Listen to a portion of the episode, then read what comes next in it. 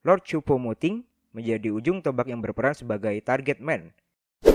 Ia merasa PSG tidak berniat untuk menyerang dan menekan, melainkan lebih memilih bermain bertahan di kandang sendiri layaknya mediocre. Terlihat jelas bahwa PSG tidak berani berbalik menekan para pemain Bayern. UEFA Champions League telah kembali dimulai dengan fase knockout 16 besar. Setelah penantian yang cukup lama dari rampungnya fase grup UEFA Champions League, match pertama round of 16 leg pertama dimulai dengan PSG yang kembali bertemu dengan Bayern Munchen. Pertemuan kedua klub yang sama kuat ini selalu dinantikan oleh para penikmat sepak bola. Siapakah yang memenangi pertandingan ini? Akankah pertandingan berjalan dengan seru?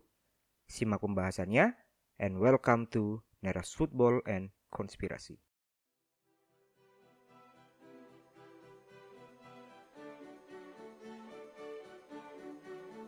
PSG versus Bayern Munchen.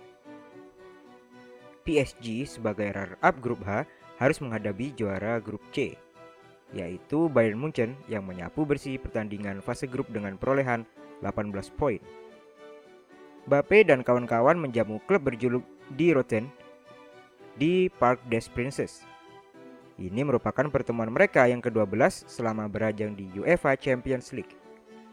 Pada 11 pertemuan mereka sebelumnya, PSG telah meraih 6 kemenangan, sedangkan Bayern hanya meraih 5 kemenangan.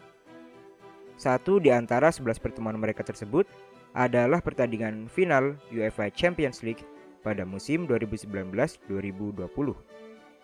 Final tersebut digelar di Estadio Benfica, Lisbon, Portugal yang dimenangkan oleh Bayern dengan skor tipis 1-0. Gol tersebut diciptakan oleh mantan pemain PSG yang bernama Kingsley Coman berkat passing cantik dari Joshua Kimmich.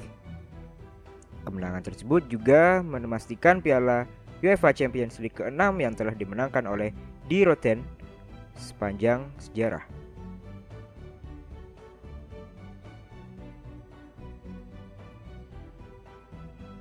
Galtier menurunkan line up yang cukup kuat dengan duet superstar yaitu Messi dan Neymar di lini serang di Parisien. Bape yang baru sembuh dari cederanya harus berada di bangku cadangan hingga kondisinya fit untuk bermain sebagai starter. Di posisi sayap kanan, terdapat pemain muda yang diberi kepercayaan untuk menjadi starter, yaitu Zaire Emery. Ia mencetak rekor sebagai pemain termuda yang bermain di fase round of 16 UEFA Champions League tepat di usia 16 tahun 345 hari. Mantan Preman Madrid, Sergio Ramos, juga memperkuat lini pertahanan PSG yang ditandemkan dengan Marquinhos. Sedangkan di kubu di Rotten, Lord Choupo-Moting menjadi ujung tombak yang berperan sebagai target man. Lini tengah Bayern pun diisi oleh para pemain kreatif yang memiliki akurasi umpan yang tinggi, visi yang cukup baik, dan attacking work rate yang berguna untuk membantu build up serangan.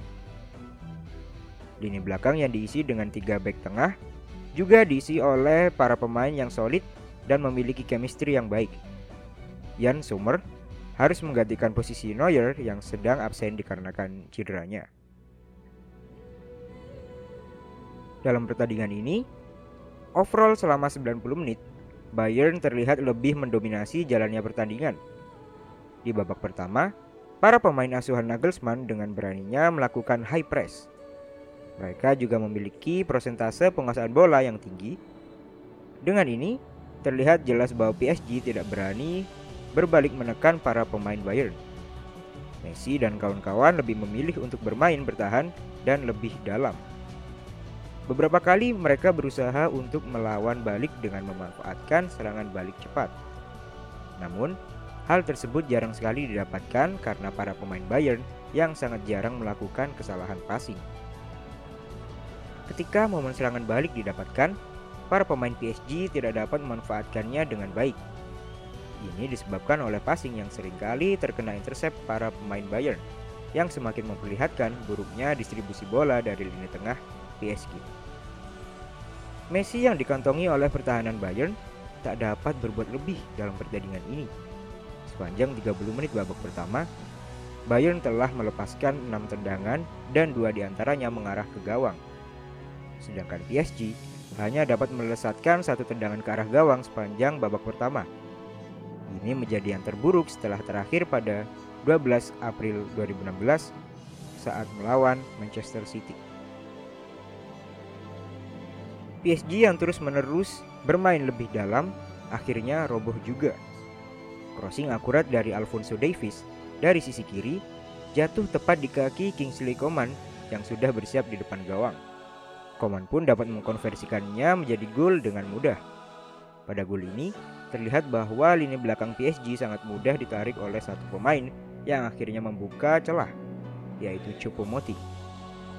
Pereira juga terlambat menutup jalur passing yang terbuka lebar dari sisi Davis. Di posisi ini, Coman sangat bebas dan tidak dijaga oleh siapa pun. Ruang kosong yang ia miliki dapat ia manfaatkan dengan baik yang membuat Bayern unggul pada menit 53.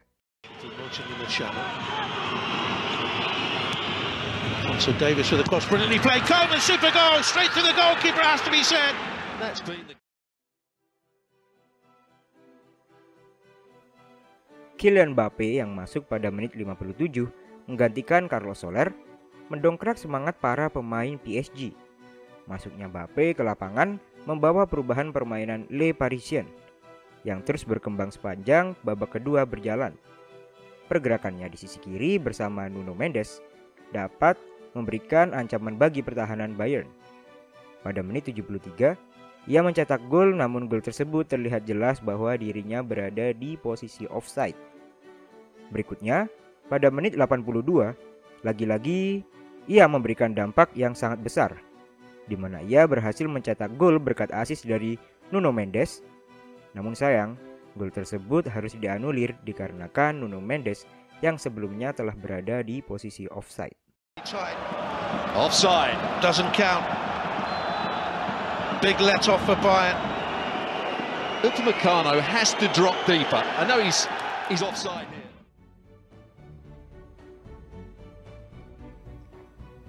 Kemenangan di Park des Princes ini membawa kepercayaan diri bagi para pemain Bayern.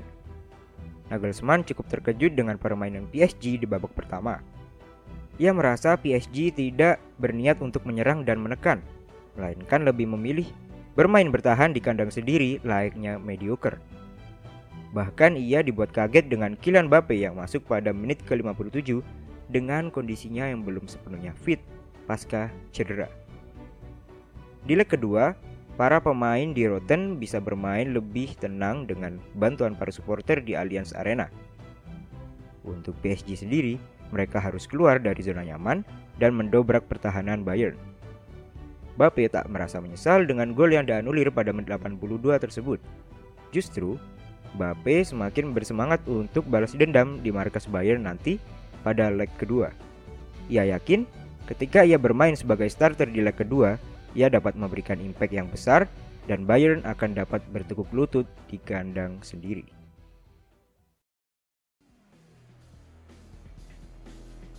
Sekian dari aku untuk episode kali ini. Jangan lupa untuk selalu dengerin Neras Football and Konspirasi di berbagai aplikasi streaming podcast favorit kalian. Aku pamit undur diri. Terima kasih dan sampai jumpa.